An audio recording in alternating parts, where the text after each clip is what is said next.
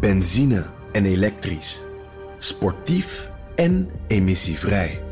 In een Audi plug-in hybride vindt u het allemaal. Ervaar de A6, Q5, Q7 en Q8 standaard met quattro vierwielaandrijving. Wat u ook zoekt, u vindt het in een Audi. Audi. Voorsprong door techniek.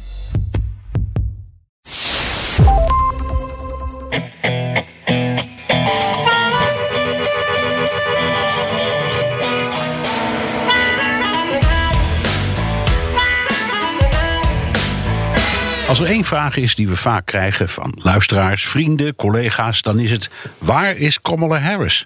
Ze lijkt in rook opgegaan, of Joe Biden heeft er onder de bus gegooid.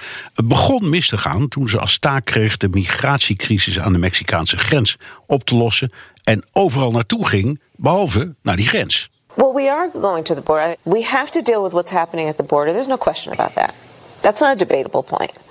But we have to understand that there's a reason people are arriving at our border and ask what is that reason and then identify the problem so we can fix it. De Kamala verdwijntruc, de stand van zaken met de begroting en een bizar of grappig verhaal over vaccineren. Daarover praten we in deze 103e aflevering van de Amerika-podcast. Mijn naam is Bernard Hammelburg in de BNR-studio met mijn koffie in de prachtige beker die ik vorige week van Jan kreeg. Jan is trouwens op de terugweg naar Washington. Vandaar dat we maar weer het inmiddels beproefde nepotistische alternatief inzetten. Uh, en dat ben ik, David Hammelburg, in Studio Hammelburg in New York.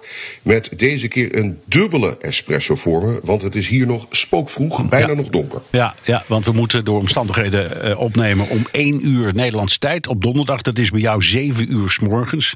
Spookvroeg. Dat is een vroegertje. Ja. Niet, niet erg. Nee. Oh, ik heb er zin in. Oké, nou, vertel even. Jij, jij bent als verslaggever van de Duitse televisie en, en ook met regelmaat voor BNR voortdurend op jacht naar spannende en onthullende verhalen. Waar ben je op dit moment mee bezig? Nou, ik begin even met een eh, toch wel een geestig verhaal. Eh, de, namelijk de rattenvanger van Hamelen. Jawel, eh, de stad New York is geteisterd door ratten. En dat heeft een paar redenen. Ten allereerste eh, vanwege eh, COVID is eh, het ophalen van de vuilnis nu nog maar één keer per week. Dat was altijd twee keer per week. Dus die ratten die hebben een lekker nest gevonden. Tweede reden is dat er vanwege de pandemie natuurlijk zoveel restaurants buiten zijn. Eh, van die hutjes die op straat zijn. Dus eten buiten, ja, dat is natuurlijk eh, een, een lustig profiel voor alle ratten die eh, toevallig nog wat trek hebben. En ten derde, je zal het niet geloven, maar ratten houden niet van de bouw. En heel New York staat nu in de stijgers in de bouw. Alles moet omhoog daar. Eh, als je iemand ooit weer terug naar New York kan komen, dan zal je een hele andere stad eh, herkennen dan, eh, dan voorheen. En Nou ja, ik zie, ik, omdat ik, alles in ja, de staat. ja, ik zie het eh, Ja. op, Broadway natuurlijk, eh, waar ik eh, Ja. normaal eh, dagelijks loop. Dan het ene gebouw naar het andere wordt er uit de grond gestampt. Ja, en alles heel ver omhoog. Ja. Eh, 70, 80, 90 verdiepingen. Maar goed, ratten houden dus niet van de bouw. Dat vinden ze helemaal niks. Dus je ziet ook veel meer ratten op straat. Eh, daar komen natuurlijk wat geestige tafereelen bij. Want als je bijvoorbeeld in een leukere of ziekere wijk... zoals, nou, laten we zeggen, de Upper East Side woont... ehm, dan, laten we zeggen, melden 100% van de mensen... eh, eh, als ze een rat zien, melden ze dat onmiddellijk. En als je, eh, weet ik veel, in de Zuid-Bronx rondloopt... dan loop je er met een grote boog omheen met een grijns. Maar je gaat de politie niet bellen. Nee. Eh, Nee, precies. En eh, dus, eh, nou, de experts zeggen er zijn dus niet meer ratten dan normaal. Je ziet ze alleen meer. Ja, even, even, dus de vraag, even, de, even de vraag die iedereen altijd stelt. Wonen er inderdaad meer ratten in, in New York dan mensen? Nou, het is moeilijk dat getal er echt bij te halen. Want ja, ga ze maar tellen. Ehm, het enige wat je dus ziet is mensen die opbellen dat ze ze hebben gezien. Dus het rapporteren van ratten is met 30% gestegen. Maar of het nou meer zijn of niet, dat weet ik dus niet. Maar goed, wij gaan vandaag en morgen op rattenjacht. Morgen zelfs met een groep eh hondeneigenaars. Eh, en die, die honden die gaan ratten vangen. Dus ik ga het allemaal nog meemaken. Ik heb er ontzettend veel zin in. Ja, dat is weer eens wat anders. En dit is voor, goed. voor de ARD, de Duitse televisie. Dit is voor, dit is voor ARD, ja. En dan, eh, nou goed, een, een wat treurig verhaal. eh, wat ik toch wel elke keer weer merk, is politici die met de dood worden bedreigd. Ehm, eh, dat was op zelf niet zo eh, uitzonderlijk, helaas. Ook Mark Rutte eh, kan tegenwoordig niet meer op de fiets naar zijn werk. Eh, maar het is hier echt een heel snel groeiend probleem. En eh, ook behoorlijk, eh, behoorlijk griezelig. Ik, ik zal je een paar voorbeelden geven. Ehm, er zijn 13 republikeinen, waarvan zes in de staat New York, die voor het Biden-infrastructuur hebben gestemd. Eh, nou, eh, iemand die een beetje de staat, of vooral de stad New York kent, begrijpt ook onmiddellijk waarom. Ik zal je een voorbeeld geven. Eh, Nicole Maliotakis is de republikeinse vertegenwoordiger uit Staten Island. Ehm 95% van, het on- van alle onderwerpen in Staten Island waar mensen het überhaupt over hebben, is over infrastructuur ehm, en heen en weer naar Manhattan komen. Er is namelijk geen ondergrondse daar. Dus je kan, er is alleen maar een busroute. Dus die hele infrastructuur Staten Island is waardeloos. Dus natuurlijk stemt zij eh, voor een infrastructuurplan waar geld, eh, federaal geld binnenkomt. En Trump heeft haar dus een verrader genoemd. En daar schrok ze ontzettend van. Eh, want Maliatakis is een beetje het troetelkindje van Trump. heeft haar ook gesteund tijdens de vorige verkiezingen. En wordt dus nu gewoon keihard een NSB'er genoemd. Ja, nou, hij heeft er een prachtig woord voor bedacht, hè? Rhino. R-I-N-O. Ja. Dat betekent dus, volgens mij eh, Republican in name only. Ja, dat klopt. Eh, d- dat is iets Maar- wat hij heeft gecreëerd. En kijk, zijn aanhang die, eh, die ziet alles wat dus een rhino wordt genoemd onmiddellijk als een verrader. Ehm, nou ja, en er zijn natuurlijk een aantal Trump-aanhangers die dan onmiddellijk eh, dat kantoor van een rhino opbellen en eh, meneer of mevrouw met de dood bedreigen. Ik kan je nog wel een voorbeeld geven. Er is een, eh, congreslid uit Long Island, waar ik er nog nooit van had gehoord, ene Andrew Garbarino. Ehm, die heeft dus ook voor dat infrastructuurplan gestemd. En die werd, zijn kantoor werd opgebeld, werd met de dood bedreigd. En dat was wel vreselijk eng, want die, die kerel die zei dus letterlijk... als ik deze man ooit op straat zie, schiet ik hem dood. Zo. Ja, dus dat is, het is niet alleen eh ha ha ha, we gaan even ehm, eh, eh, anoniem opbellen. Nee hoor, naam toe naam. En hij werd er dus van beschuldigd, deze meneer Gabarino, ehm, eh, dat eh, hij een, een, opeens een democraat is geworden. Eh, en volgens zijn advocaat zelfs, de- deze meneer heet Kenneth Gasper. Hij is eh, 64, eh, een gepensioneerde treinconducteur. Ehm, zijn advocaat zei: Ja, Ken is een, is een gemiddelde Amerikaan die heel boos werd. toen Gabarino opeens een democraat werd. en een stem heeft gecreëerd om ons land te verpesten. Dat is dus de verdediging maar dus, van de deze, advocaat. dus deze, ja, maar dus, de, ja, maar en zijn cliënt is dus, als ik het goed begrijp, wie? Die is eh, Ken- Kenneth Gasper. En dat is een meneer van 64-jarige man die zegt: ik schiet je overhoop. Ik schiet je overhoop. En nou, er zijn een, een aantal media die naar eh, zijn huis zijn gegaan. Eh, Daar heb ik inmiddels ook wat beeld van gezien.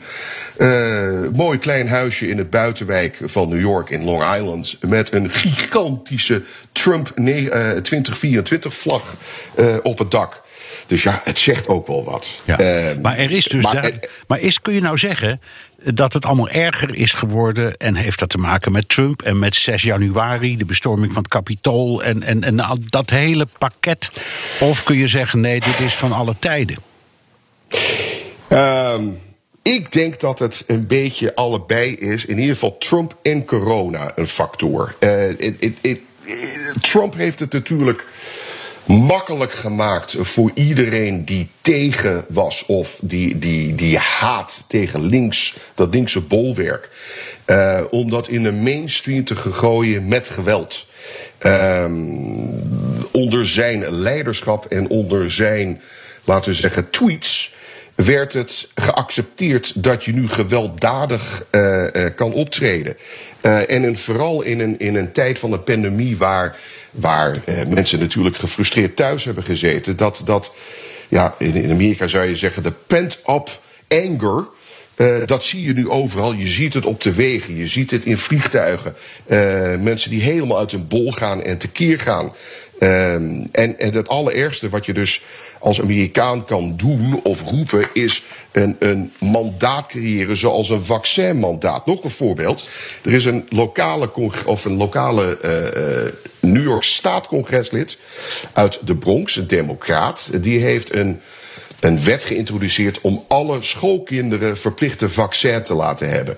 Vanaf het moment dat de FDA dat officieel goedkeurt. Hè? Dus niet nu, nee. maar zodra de FDA, FDA het uh, goedkeurt dat kinderen tussen de 5 en 12 uh, de vaccin kunnen hebben, officiële uh, vaccin, niet een, een noodgreepvaccin, dan komt die wet van plan. Die werd dus opgezocht door met een rally voor zijn huis met uh, de Davidster en swastika-vlaggen. Zo. ja, dat is dus het, de tijd waarin wij leven. En dit is het linkse liberale New York. Hè. Dan heb ik het nog niet eens, eens over het zuiden. in een staat zoals Georgia, waar volgens mij alles kan. Ja. Dus je ziet het met de dag toenemen. En je ziet die politici ook zeggen: wij zijn bang. Wij hebben beveiliging nodig. We hebben een politieagent voor de deur nodig. Um, dus ja, het heeft een beetje met alles te maken. Met de Republikeinen die bijvoorbeeld op 6 januari tegen Trump hebben gestemd. Daar is het helemaal erg. De meeste daarvan hebben uh, uh, speciale Secret Service nodig om zichzelf te kunnen beschermen. Jongen. Tegen wat er ook uh, kan komen. Ja. de, pak weg het verhaal van Liz Cheney. Hè. Die is dus helemaal gerouilleerd binnen de Republikeinse Partij omdat zij tegen Trump heeft gestemd. Nou, enzovoort, enzovoort, enzovoort. Nu een vraagje aan jou. Ik heb natuurlijk Watergate en de jaren zeventig niet meegemaakt. Toen woonden wij uh, in die tijd ook nog niet in Amerika. Maar kan jij iets zien vergelijkbaar met de jaren 60 en 70? Uh, met de boosheid van toen, kan je dat vergelijken met nu? Uh, niet in de kwestie Watergate, omdat toen uh, er opmerkelijk veel samenwerking was tussen Democraten en Republikeinen. Op het moment dat duidelijk werd dat, dat uh, Nixon kansloos was en echt schuldig, hebben de Republikeinen hem ook laten vallen. Dus in, in, dat is nooit zo politiek geworden. Wat, ik me, wat wel een heel goed, uh, goede vergelijking is, vind ik, is de strijd daarvoor tussen Goldwater en um, uh, Johnson. Dat was de strijd in 64. Uh -huh. Die was zo onvoorstelbaar rabiaat en gemeen. Uh, en daar werd, jo uh, daar werd Goldwater door Johnson afgebeeld als iemand die uh, op het punt stond de derde wereldoorlog te beginnen met atoombommen en al. Um, dat was echt wel heel erg heftig. Dat, daar doet dit me wel een beetje aan denken. Maar ja, elk, elke tijd heeft zijn eigen dynamiek. En wat we toen niet hadden. He, je had toen alleen maar Walter Cronkite op CBS News. En ja. tegen, tegenwoordig heb je uh, het nieuws in, in, twee seconden op je telefoontje. En via de sociale media ook allerlei ja. commentaren en meningen daarover. Ja, dus dus dat, dat, daarom kun je het niet zo goed vergelijken met het verleden. Ik, ik vergelijk het toch wel, en voor mij is dat mee, meer uit de films, met de, de woede uh, tijdens de rassenrellen begin jaren 60 en de woede uh, van de Vietnam-demonstraties ja, begin dat, jaren 70. Ja, Toen is... zag je echt de woede op straat. In dit geval uh, was het dan links-Amerika dat woest was op een, een Nixon. Uh, in dit geval rechts-Amerika woest op een, op een Biden. Uh, en natuurlijk, je hebt helemaal gelijk. Uh, uh, iedereen met een, met een iPhone is, natuurlijk, is tegenwoordig journalist. Dat is zo. Dus die informatie, dat, dat strekt zich natuurlijk veel sneller. Maar ik schrik ja, wel ja. een beetje nee, van de klopt. sfeer die nee, ik proef. Ja, dat klopt. Die Vietnam-demonstratie, dat, dat herinner ik me nog wel, met Nixon.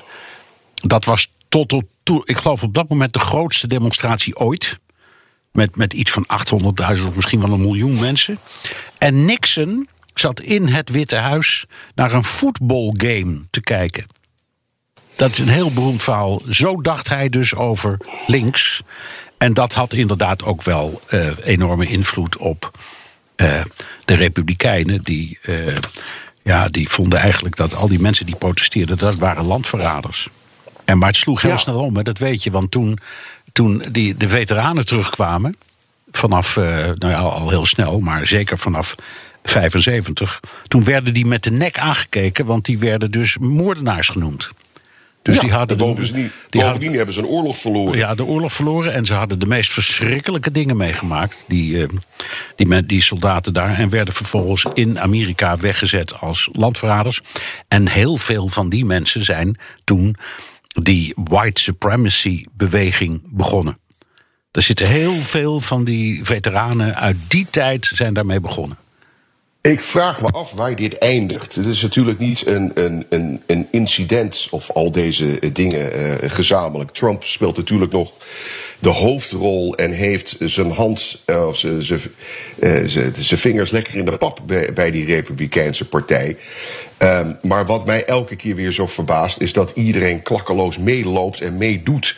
En dat er dus niet ehm, eh, een, een, Ja, een waar- Howard Baker-achtige senator is die zegt: genoeg is genoeg. Ja. We moeten samen verder. Het kan niet anders. Waar- maar de meeste republikeinen. Ja. Die zeggen, ach ja, meneer heeft een mening, natuurlijk is hij boos. Ja, ik kan me dat best wel voorstellen. Ehm, het is ook niet te doen, maar goed, ja, geweld kan eigenlijk nooit. Maar toch, Ja. hè, dat zijn een soort eh, klanken die je hoort. Ik, ik word er een beetje kotsziek van. Ja. Ehm, nou, in ieder geval is deze meneer eh, van 64, die is eh, opgepakt door de politie, dat dan weer wel. Ehm, en die is beschuldigd van zware intimidatie. Dus ja, kijken waar dat eindigt. Maar dat oppakken, dat is natuurlijk niet genoeg. Er, er, moeten rigoureuze maatregelen komen. En ik denk dat je als je de gemiddelde congreslid uit, eh, eh, eh, uit pakweg het zuiden bent... en je bent toevallig democraat... dat je echt voor je leven moet vrezen. Ja, ja. en ze, er worden wel, ze worden wel opgespoord, maar niet allemaal. Of te weinig. Dat is, dat is, Ja. dat is duidelijk. Ehm, Ja. het, is, het is iets waar eh, aanklagers klaarblijkelijk niet aan kunnen doen wat ze zouden willen doen. Over aanklagers gesproken. De beroemdste aanklager is misschien wel Kamala Harris. De vicepresident. Want die is vanuit justitie, hè, ze was eerst aanklager en toen minister van Justitie in Californië, is ze de politiek ingegaan. Waar is ze eigenlijk? Is ze door het Witte Huis weggemoffeld? Eh, ik heb de indruk dat het mis is gegaan vanaf haar missie eh, eh, om die migra- migratiecrisis aan de, de grens aan te pakken. Zet nog even op een rijtje wat er allemaal is gebeurd.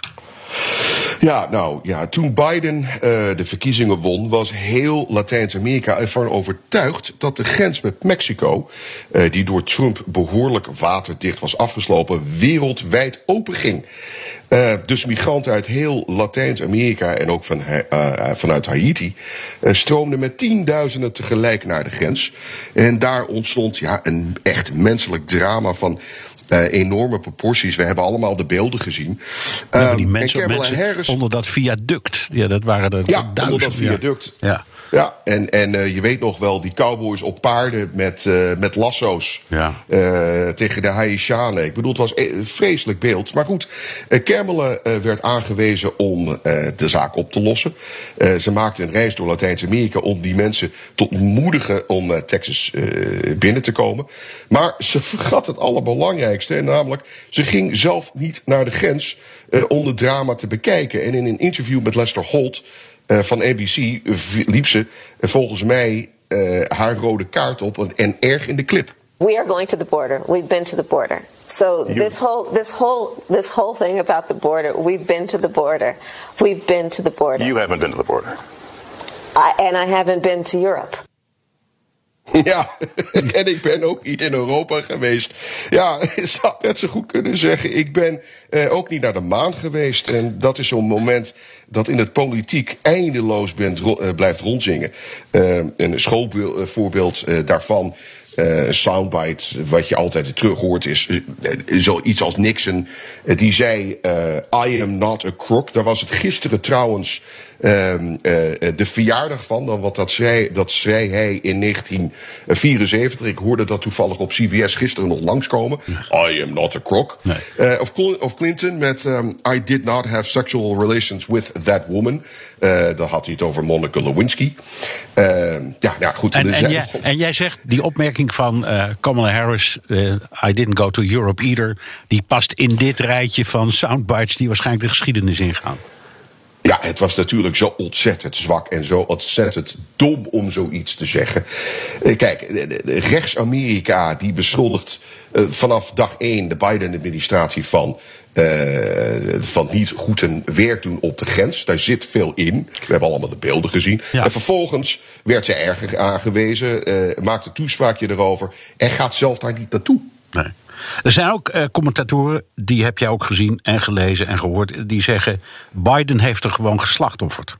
Hij kon zelf dat migratieprobleem niet oplossen. Hij had trouwens een enorme tegenvaller, want uh, Trump had een wetje ingevoerd en dat heette, geloof ik, Remain in Mexico. En dat heeft Biden opgeheven, maar die is door de rechter teruggeroepen. Dus dat wetje geldt ja, nog. Ja. Dat was nog veel erger. Je kon geen asiel vragen in Amerika. Als je dat deed, moest je in Mexico blijven. Ja, precies. Nou ja, oké. Maar goed, hoe dan ook. Hij, kon, hij zat ermee. Het werd veel erger dan, dan, dan ooit. Hij dumpte dat probleem bij Kamala Harris. Um, in volgens mij de wetenschap dat die er ook niet uit zou komen. Uh, en, en dan lees ik nog een hele hoop andere kwesties die spelen. Ze, zou, ze zou voortdurend bonje maken met haar eigen staf. Uh, haar staf maakt bonje met de staf van Biden.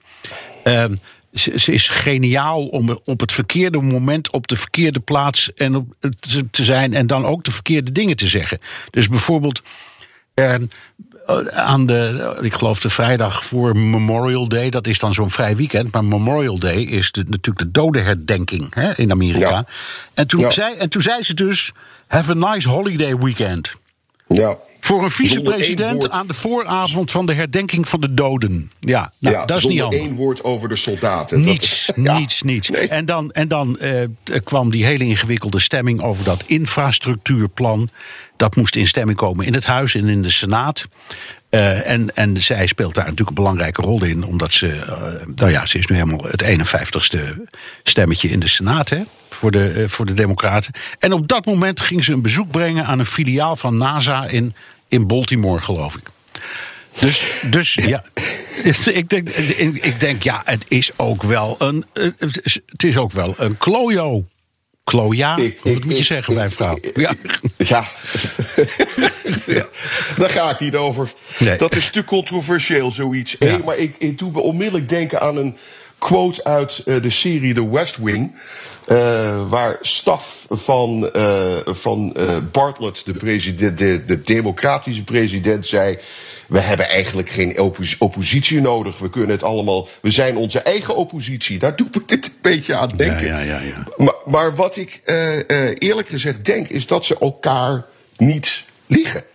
Uh, ze hebben ja, de, tijdens de verkiezingen wel dat toneelstukje gespeeld. Van één team. Een, ja, een kwieke, witte, bejaarde man en een vlotte, jonge, zwarte vrouw.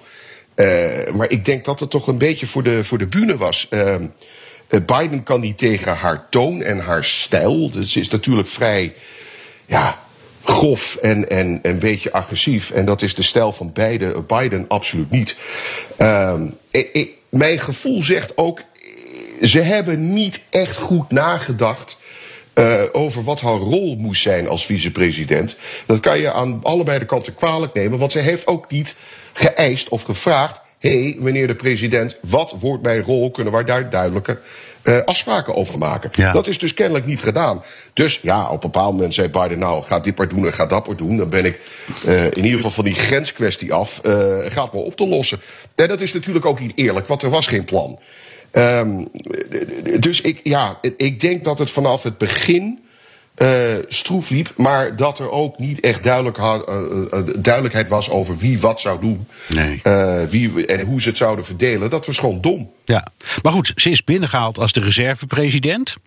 Hè? Dat, dat, zo is ze ook gepresenteerd. Eén knip met de vingers en ze kon zo de plaats van de oude leider innemen. Die ideale opvolger, dat was toch het beeld? Dat was het beeld. En de toekomstige leider van de Democratische Partij. En wat je nu dus hoort en ziet en, en leest. Uh, is dat Biden ten allereerste natuurlijk eerst aan zijn eigen herverkiezingen uh, uh, moet denken.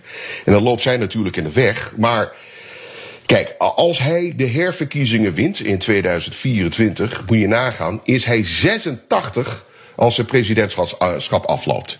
Ja? ja. Uh, dus dat, dat, dat zou de oudste president in de geschiedenis zijn. 86. Dus al ben je een hele grote fan van hem, misschien wel ietsje aan de oude kant. Um, dus zij was natuurlijk ja, de, de, de, de verloren dochter om dat allemaal over te nemen.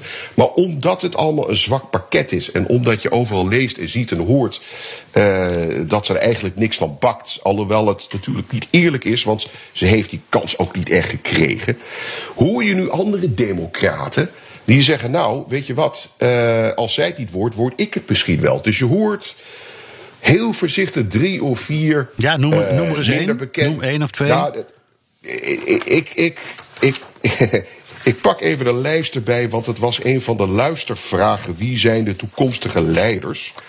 Uh, dus dan moet je even geduld hebben. Dan ga ik daar nou, ik even noem, naar Ik noem er vast een. Een naam, naam die ik veel hoor is die ook vorige keer kandidaat was. Die Piet Buttigieg. Die, die, die, ja, maar dat, dat, dat, en die dat is, die is nu vrij... minister, hè? Minister. Maar die, die, dat is een populaire jongen. Dat is een populaire jongen, maar dat is ook een vrij bekende naam, want die is, hij is nu minister. Ja. Um, dus, weet je wat, we komen er bij de, de, de, luistervragen even op terug. Oké, okay, okay, nou, we hadden het over haar positie. Jij zegt, Biden maakt het er ook niet makkelijk, maar ja, ze zit ook een beetje klem. En de stijl is misschien niet zo handig. Maar ze is ook de 51ste stem in de Senaat. Want uh, in die Senaat is de verhouding tussen Republikeinen en uh, Democraten 50-50. En omdat de vicepresident volgens de grondwet de voorzitter is van de Senaat, is zij dus de 51ste stem. Dus als puntje bij paaltje komt, kan ze de, de doorslag, moet ze de doorslag geven. Dus, dus Biden moet ook een beetje uitkijken dat hij er niet isoleert. Uh, en, en, en zeker nu, want nu Biden die infrastructuurwet van ruim 1000 miljard heeft binnengehaald, moet die nog steeds de algemene begroting van 1850 miljard door het huis en door de Senaat uh, krijgen. Uh, hij was pas in New Hampshire de afgelopen dagen. En toen klonk hij zelf heel optimistisch. Ehm, maar ik denk dan steeds, ja, je mag al blij zijn als je het door het Huis van Afgevaardigden krijgt. Maar door de Senaat, hoe zie jij dat? Wat, hoe zie jij dat aflopen? Um, natuurlijk uh, uh, zal zij loyaal zijn tegenover Biden. Dat kan ook niet anders. Als ze dat niet doet, dan wordt ze met de grond afgepoord. Dan over, over dooddreigingen besproken. De, de, de, ik zie niet gebeuren dat zij tegen Biden zou stemmen.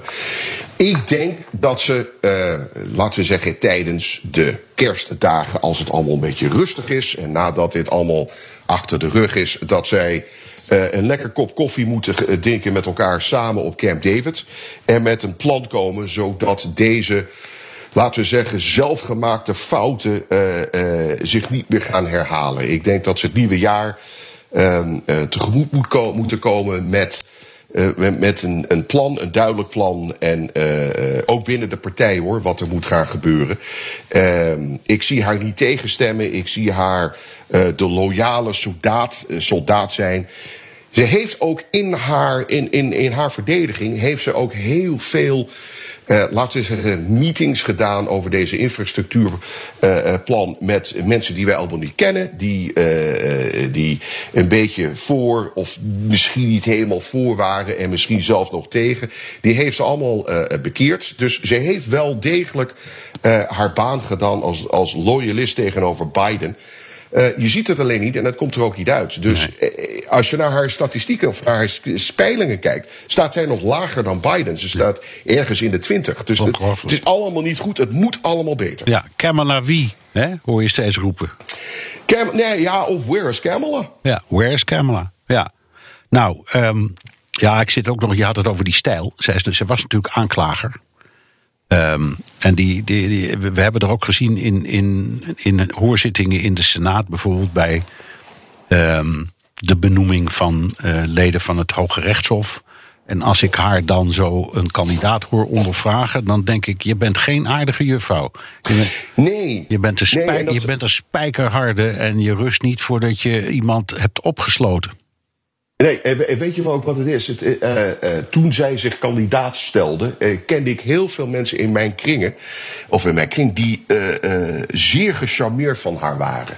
Ja. Ehm, want ze heeft, ze heeft het allemaal wel in huis, laten we zeggen. Maar op haar campagne zag ze zag je dezelfde fout, haar dezelfde fouten maken die ze, uh, wat ze nu doet. Grof, keihard. Ja. Uh, uh, op een bepaald moment moet je dat, dat toontje van aanklagen af en meer politici worden. Ja. Je hebt de, de, de brouilleringen binnen haar staf.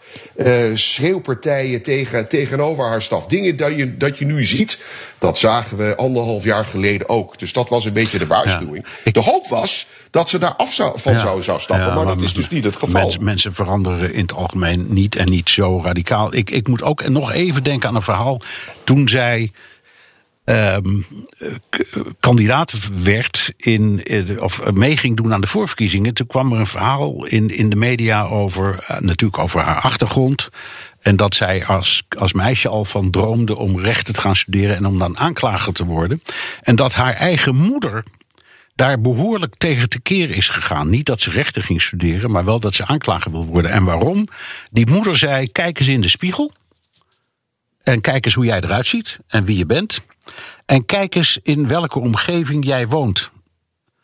Um, want dat, dat waren voornamelijk zwarte mensen. Dus ze zei: als jij gaat doen wat je je voorneemt, dan ga je je leven besteden aan het achter de tralies zetten van zwarte Amerikanen. Is dat nou wat je wil?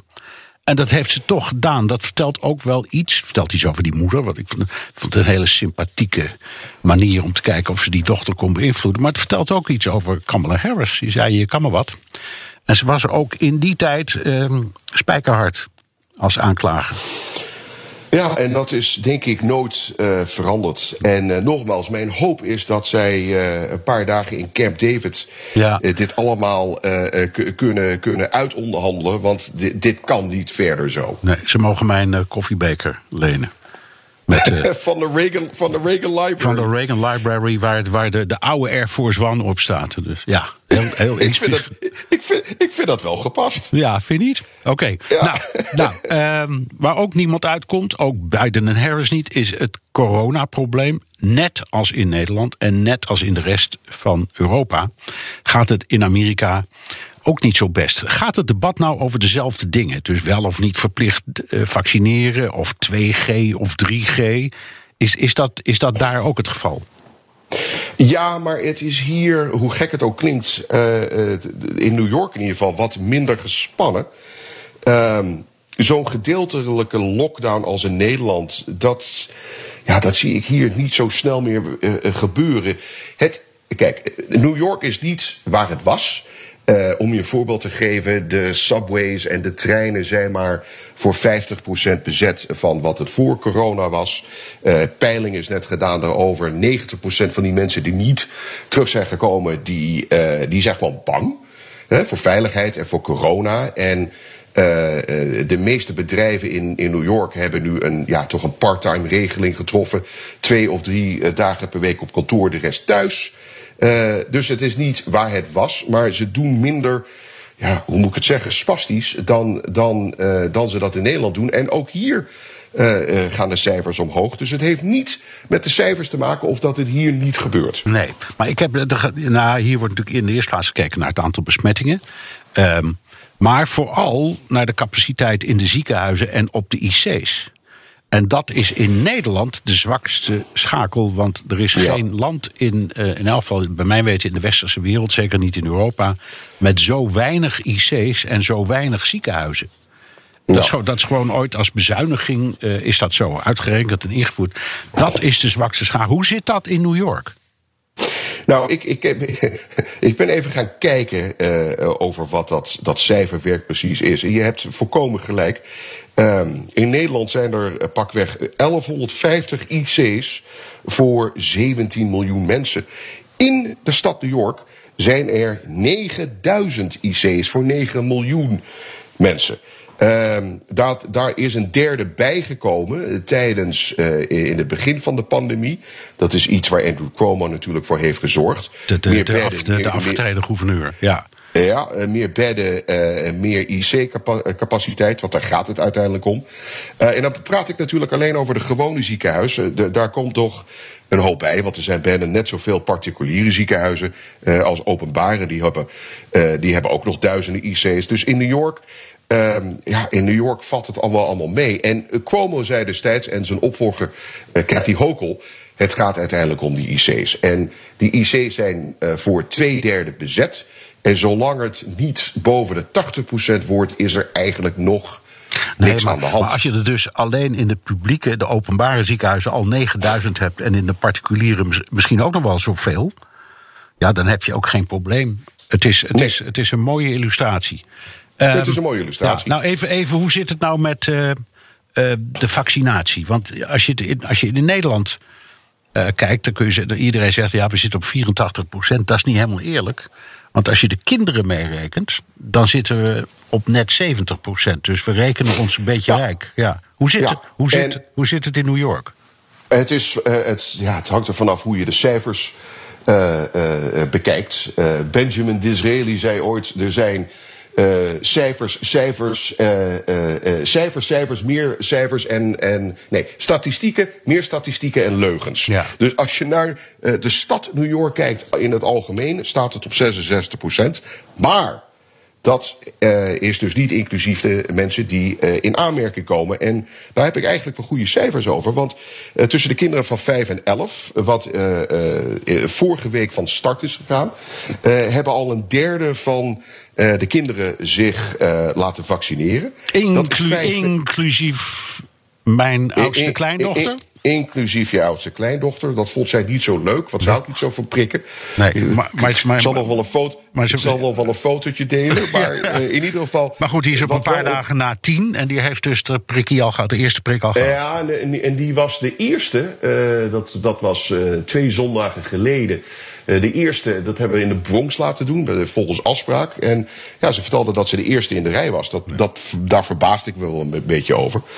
En ik kan me ook voorstellen dat mensen vrij terughoudend zijn met kinderen eh, zo jong. Maar goed, een derde heeft zich al laten vaccineren. Eh, tussen de 12 en 17 eh, is dat inmiddels 80 procent. Ehm, en boven de 18 eh, eh, is het 87 procent. En ruim 700.000 mensen hebben al een booster gehad. En dat, dat vliegt met, met de dag omhoog. Dus in, in New York zijn de cijfers prima. Maar eh, de, de gouverneur van New York zal zeggen: het is, het is niet genoeg. Eh want we krijgen steeds van die outbreaks. En eh, dat kunnen we nat- natuurlijk niet hebben. Er zijn regio's in New York waar, laten we zeggen Manhattan, daar, daar gaat het hartstikke goed. Maar in, in Staten Island gaat het helemaal niet goed.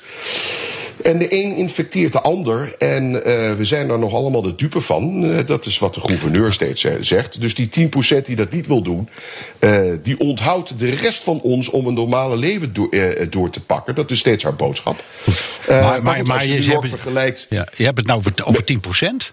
Eh, Ja. Of misschien 12 of 13 of zoiets. Dat, Ja, is, dat, ja, is toch, dat is toch een heel bescheiden aantal mensen dat geen vaccin wil. Ja, vooral als je het vergelijkt met een staat als eh, North Dakota. Daar is het minder dan 50 procent. Dus ik bedoel, Amerika heeft nog heel ver te gaan. Ehm, maar eh, de voorstanders zeggen dus... als niet iedereen is, eh, is ingeënt, dan hebben we er eigenlijk minder aan. Dus er is, je ziet steeds campagnes. Doe dit nou, doe dit nou, doe dit nou. En de vaccin en de booster... Ehm, eh, laat, eh, onthoud niet de anderen voor hun vrijheid enzovoort. Steeds de boodschap die je overal ziet, tenminste Ja, hier in New York. ja, ja, ja. In Florida is dat weer wat anders. Eh, daar zegt de gouverneur steeds up to you. En alle wetten of alle mandaten, dat vind ik strafbaar. Dus als je zegt als bedrijf, je moet verplicht gevaccineerd worden, dan krijg je een boete en een straf van 5000 dollar per geval. Dus ja, zo werkt dat in Florida. Ja, ja.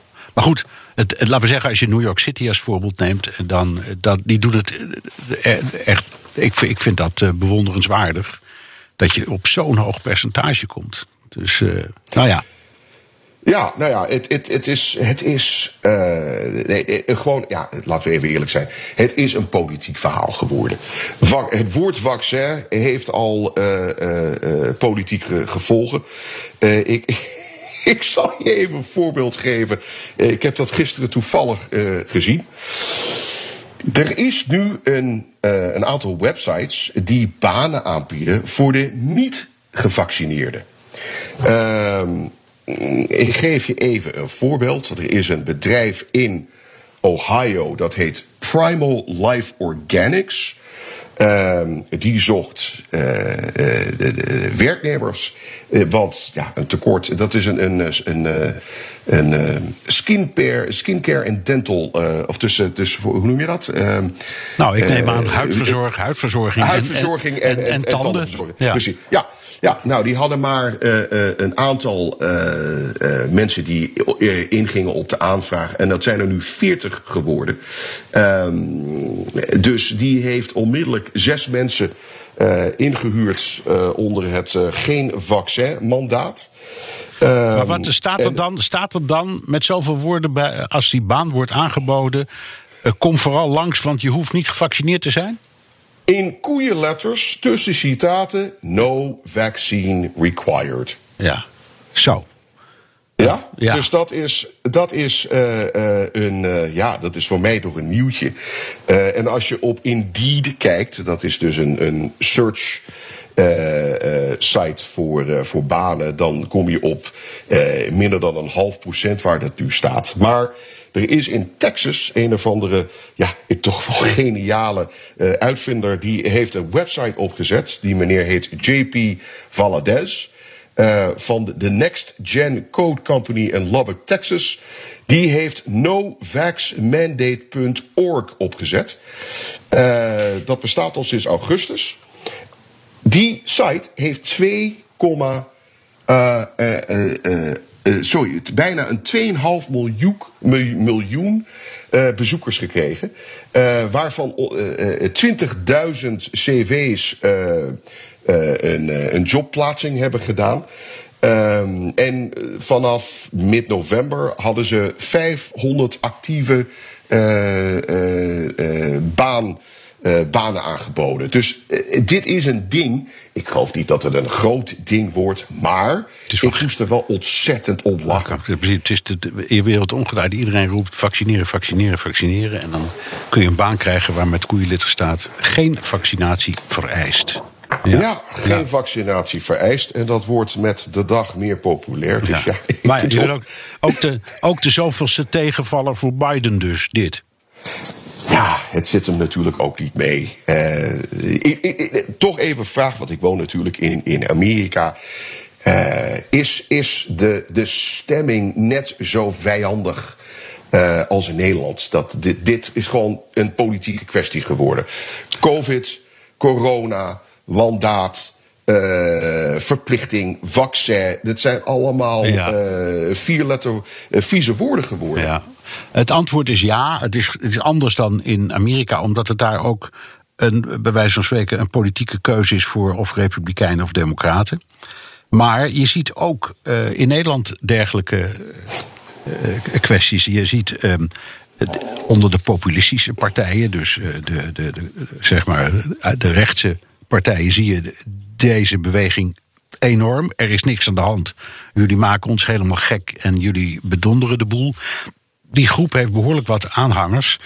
Uh, dan heb je net als in Amerika een, een, een, grote groep mensen die zich niet wil laten inenten om religieuze redenen. En dan heb je een heleboel mensen die geloven in alle mogelijke gevaren die ze lopen. Ik, ik zeg altijd, en dat heb ik ook uh, met Jan afgesproken, dat we in, in, in deze podcast, we zijn geen virologen en we gaan geen oordeel uitspreken over wat mensen wel of niet doen. Maar ja, op, in antwoord op jouw vraag, ja wel degelijk. Er, er, er is op dit moment tussen kabinet en het Tweede Kamer een enorme strijd gaande over 2G of 3G. En dan komen al dat soort argumenten ook weer eh, aan de orde. En dan heb je een organisatie die zich bezighoudt met mensenrechten, die zegt dat het ook juridisch niet deugt om mensen, uh, van mensen te eisen dat ze gevaccineerd zijn. Dus uh, zelfs als, als, als er een wet zou komen, en het is niet uitgesloten dat er een wet komt, die uh, met die 2G invoert. Dus dan je code geldt dan alleen nog maar als je of bent gevaccineerd of het virus hebt gehad, ziek bent geweest. Maar niet meer als je net een negatieve test hebt gehad. Dat heet dan 2G. Dat geeft enorm veel gedoe. Ook in Nederland hoor. En uh, dat, gaat, dat gaat hard tegen hard. Maar niet zoals in Amerika. Gelukkig niet zo gewelddadig. Maar ook, ook in Nederland worden mensen uitgescholden. Uh, ze worden uh, ook wel bedreigd. Uh, er was nu een enorme rel in de Tweede Kamer van een Kamerlid en dat andere Kamerlid bedreigd. Dus ja, het wordt er niet leuker op door deze kwestie. Nee, nou laten we hopen dat het niet tot bedreiging tot de dood wordt in Nederland. Ehm, want, want, dat zijn toch wel een beetje de tafereelen wat je hier ziet. Het, ja. is, het, is, ja, het is eng allemaal. Ja, nou.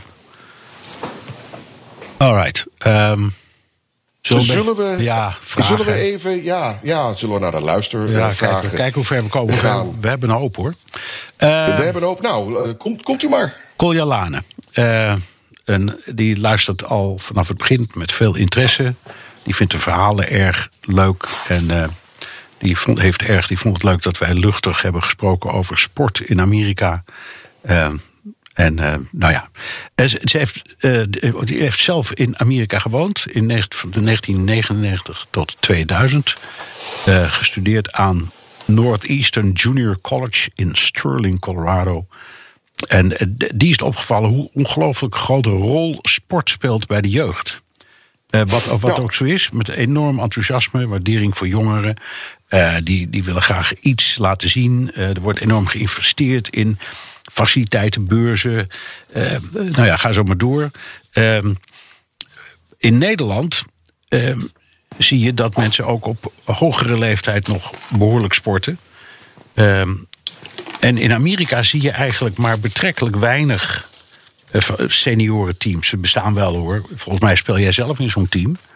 Zeker. Ja, maar ehm, het, je ziet dus wel veel fitness en hardlopen, maar dat enorme enthousiasme en enorme hoeveelheid geld die wordt gestoken in jeugd, in sport, dat zie je als het ware verdampen en verdwijnen als, als het ouder wordt. Klopt dat? Dat klopt. Uh, je, je, je, je ziet hier uh, dat sport een onderdeel is van ja, de jeugd in opleiding. En dat heeft niet alleen met fitness te maken, dat heeft met, uh, met uh, ja, goals en doels van het leven te maken, zoals het leren van winnen en verliezen, zoals het, het leren van strijd. En uh, het, het, ja, het leren van uh, of het nou een, tennis is als individu of voetballen als team. Dat hele teamgevoel en een onderdeel daarvan uitmaken. Dat zijn allemaal lessen voor het leven. Dus wel degelijk wordt daar heel veel geld en tijd in, geïnvesteerd. Um, en de redenering, ze heeft gelijk. De redenering is als je volwassen bent, dan zoek je het allemaal maar uit. En als je sport leuk vindt, dan doe je eraan. Als je dat niet, dat niet leuk vindt, dat doe je er maar niet aan. Um, nee. Uh, oudere mensen die hangen natuurlijk ook voor de buis om naar een American football of baseballwedstrijd te kijken. Maar eh, opmerkelijk, ik speel dus softbal in Central Park. Um, en er is voor mij geen baseball beschikbaar. Het is er gewoon niet. Voetballen kan je overal, basketballen kan je overal. Uh, er zijn, uh, maar voor, maar voor hoogbejaarde mensen zoals jij kun je, kun je niet, die kunnen niet honkballen. Nee, er is geen honkbal. En dat is toch wel het, de sport uh, ja. door de geschiedenis heen van Amerika. Bijna geen honkbalteam te vinden. Wat wel weer leuk is, is dat voor de veel oudere mensen, laten we zeggen in de jaren tachtig. Uh, ik heb ooit een verhaal gemaakt, gemaakt over iets dat heet de Granny League. En dat is een, een, een vrij hoogstaande uh, basketballiga voor uh, bejaarde oma's. Uh, allemaal in de jaren tachtig. Dat speelde zich af in het Middenwesten. Dat was ontzettend leuk. want ja, als je vanaf je, je vierde basketbal speelt, waarom niet op je 84ste? Dus dat dan weer wel. Ja. maar ze heeft gewoon gelijk. Ja, alle aandacht aan de jeugd. En als je volwassen bent, zoek je het maar uit. Oké, Marcel van der Lek, daar komt hij. Want je had het er al eerder over. Ik hoor veel media over Trump en Biden, maar wat me opvalt is dat ik weinig hoor over de up-and-coming politici in Amerika. Af en toe lees ik wat over Haley, dat is die hele vlotte mevrouw, die republikeinse. en Ted, Ted, Ted, Cruz, die, die, die, die zeer conservatieve senator uit uh, Texas. En uh, Pete Buttigieg, waar we het net al over hebben. Maar, maar hebben jullie nou nog andere politici die we in de gaten moeten houden? En hij doet er vriendelijke uh, groeten uit het mooie Vlissingen. Ik geef er even een paar. Voor de Democraten hebben, hebben veel mensen het over Stacey Abrams uh, uit Georgia. die is volgens mij in de running voor gouverneur dit jaar of volgend jaar. Ehm, dat is een, een, een vlotte uh, Afro-Amerikaanse dame die heeft al wat hoge ogen, uh, ogen gegooid in, uh, in de afgelopen paar jaar. Je hebt Gretchen Whitmer, gouverneur van Michigan. Die dus ook zelf een paar keer met de dood is bedreigd, bedreigd met, met de vaccin in de staat Michigan. Nou, sterker nog, ze hebben volgens mij haar, haar het, de State House bestormd en binnengedrongen. Ja, ja, ja, ja. ja. Ja. Zij is uh, nou, vrij jong en ook vrij uh, hoog geprezen binnen de Democratische Partij. Jay Inslee, dat is de gouverneur uit de staat Washington. Uh, vrij progressieve, vrij jonge meneer die, die volgens mij in de running was uh, twee jaar geleden als, uh, als kandidaat, presidentskandidaat. Uh, Joe Kennedy, dat is de kleinzoon, nee, de, ja, de kleinzoon van Bobby Kennedy. die is vertegenwoordiger uit, of House of Representatives uit Massachusetts. Nou, zo hebben we er nog wel een paar. Michael Bennett, senator uit Colorado. Bij de Republikeinen heb je natuurlijk, ja, het troetelkind van de Republikeinse partij is DeSantis.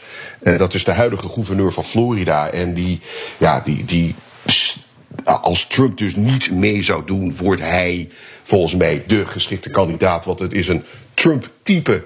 Uh, zonder de, de, laten we zeggen, de boosheid. en hij heeft dat hele, dat hele Florida-vaccin-verhaal uh, dan van de andere kant aangepakt. Daar lees je elke dag dingen over. Dus de census is, is vrij groot. Dan heb je Greg Abbott, de gouverneur uit Texas. Uh, die doet een beetje hetzelfde als wat uh, wat de Centus doet, maar met, laten we zeggen, wat, wat meer woede. Dus de Centus doet dat uh, wat, wat het betreft wat, uh, wat slimmer. En dan heb je iemand waar ik wel, die ik in de gaten hou, die heet Elise Stefanik. Dat is um, een een congreslid uit de staat New York, upstate. En dat is nu de derde hoogste rang uh, geworden van de Republikeinse Partij. Zij heeft in feite de taken overgenomen van Liz Cheney, die dus werd afgezet binnen de Republikeinse Partij. Ook jong. zeer conservatief. Uh, iets waar uh, mensen in, vooral in New York, wel wat mee hebben. Ja. Nou ja. Uh, het wordt natuurlijk heel lastig voor al die. Voor, kijk, aan de democratische kant is het logisch dat er een enorme lijst komt. Maar ehm, eh, aan de republikeinse kant is het lastig. Want nou ja, hoewel bij de democraten moeten ze ook uitkijken... dat ze Biden niet belachelijk maken. Maar bij de republikeinen zit het natuurlijk met Trump. Als Trump zegt ik doe mee, ja, geeft een ander dan een kans? Of wil hij de strijd aan? Of denken ze laat maar zitten, anders krijg ik ook doodsbedreigingen? Ja, dus... Ik denk dat als, als Trump zegt ik, ga, ik doe mee, dan, uh, dan, hebben we het pas over, ja. dan hebben we het pas over 2028. Ja, oké. Remco Zieltjens, uh, ook een enthousiast luisteraar, meestal onderweg naar kantoor, gewoon in Nederland, zegt hij dus helemaal niks exotisch. Uh, uh, hij heeft, vind ik, een vraag, we horen hem vaker, maar het is een. Donald Trump is geen president van de Verenigde Staten meer, hoewel hij dat zelf vindt dat hij eigenlijk wel is. Hij blijft in de publiciteit. Hoe zit het met mensen uit zijn entourage? Met Ivanka en zijn schoonzoon Jared en Steve Bannon en William Barr.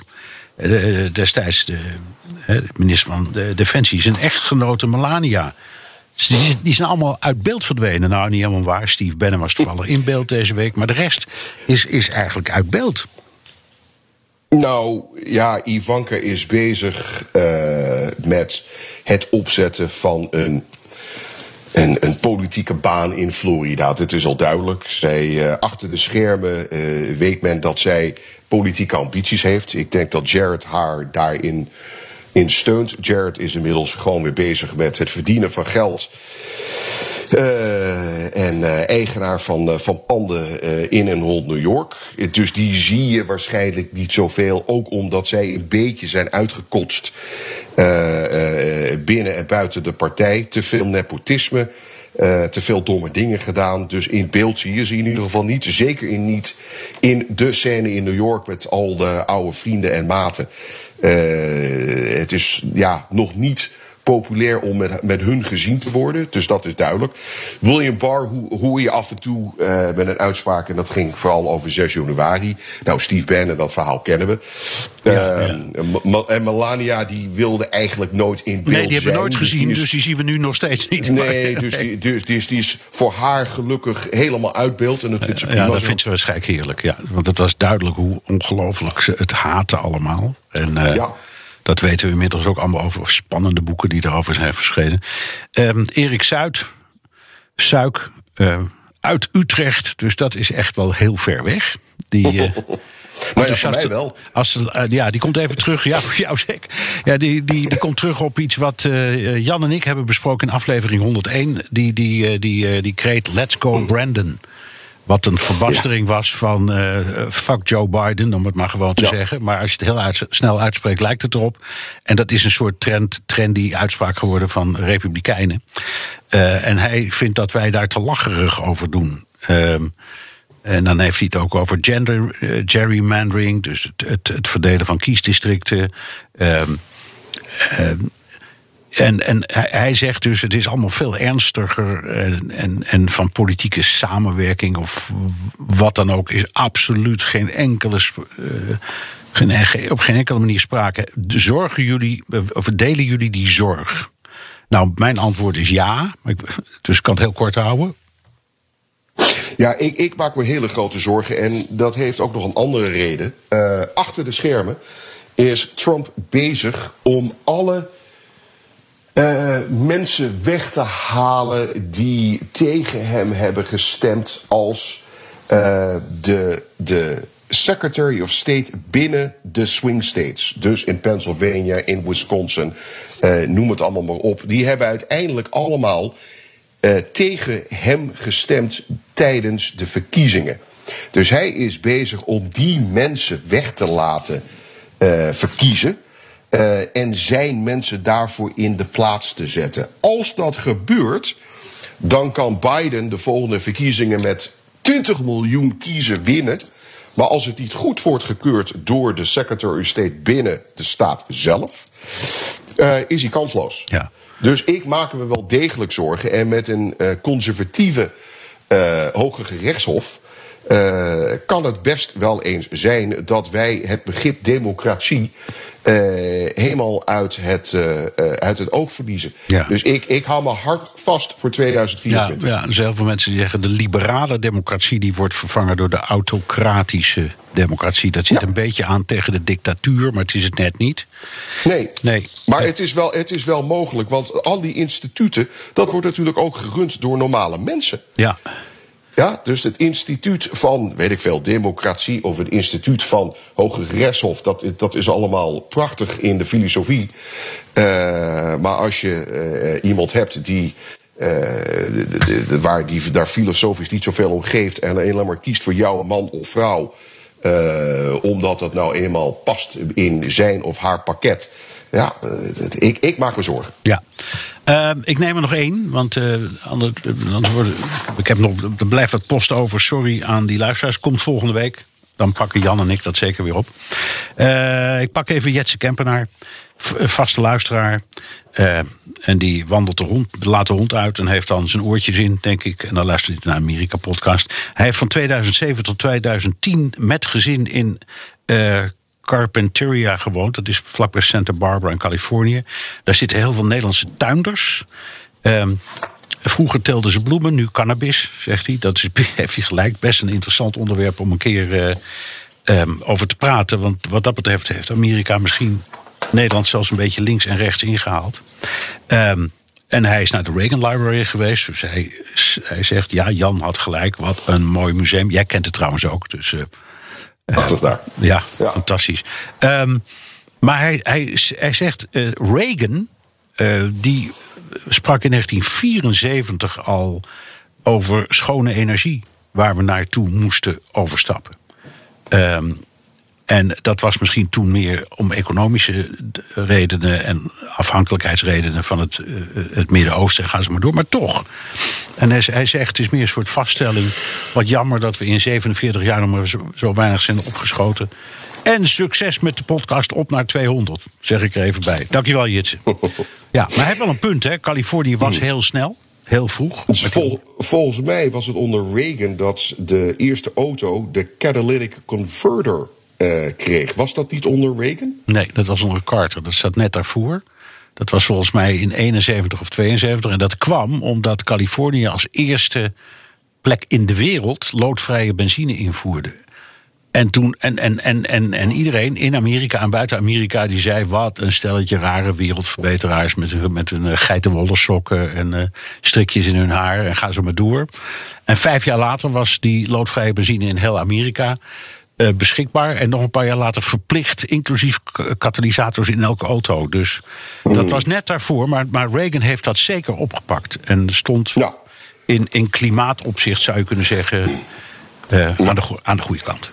Nou ja, goed, dat was ook dezelfde president die ooit zei eh, dat eh, bomen verontreiniging eh, veroorzaakten. Dus hij, zijn hart Ja. zat misschien aan de goede kant, maar volgens mij wetenschappelijk Ja, ja dat was ook. wist hij het niet helemaal. Nee, er was ook, een- er was ook een enorme discussie over, dat herinner ik me ook, met Reagan, over de, de schoollunch. Omdat kinderen, vooral uit arme, voor arme wijken is dat heel belangrijk, die krijgen op een warme maaltijd tussen de middag op school. En de discussie was of daar genoeg groente bij zat. En toen zeiden ja hoor, want er zit toch ketchup bij, dat is ook groente. Ja, ja, ja, ja. ja, nou, precies, toen, was, toen, ja. was, toen was zelfs in Amerika de wereld klein. Oké. ja, nou. ehm, de- hier moest maar even bij laten. Want eh, Ja, oké. Nou, dan eh, komen de, de, de we rest hebben nog een de paar brieven volgende over. week. Volgende week, ja. Eh, nou ja, dat, dat, dat was hem dan, deze aflevering van de Amerika-podcast. heb jij trouwens nog recensies? Eentje, die stuurde Jan door. Hoewel die nog onder rij, op reis is, maar toch heel aardig dat hij deed. Van B. Broersen. Fantastische, objectieve podcast over Amerika. Eh, ik luister elke week, kijk er naar uit. Luister meestal in de trein of tijdens een wandeling. Bernard en Jan vullen elkaar geweldig aan. Geven mooie, objectieve inkijkjes in het fascinerende land. Ga zo door. Nou, doen we. Nou, mooi. Oké, terugluisteren kan via de BNR-site, Apple Podcast of Spotify. Heb je vragen, opmerkingen, kritiek of complimenten... dan kan dat ook met een tweet naar Jan Postma USA of BNR De Wereld of heel ouderwets... met een mailtje naar dewereld.bnr.nl. En laat ons vooral weten hoe je naar ons luistert en waar. En volgende week is Jan gewoon weer terug. Van achter zijn eettafel met zijn lekkere beker koffie. Eh, Voor nu dank voor het luisteren en tot volgende week.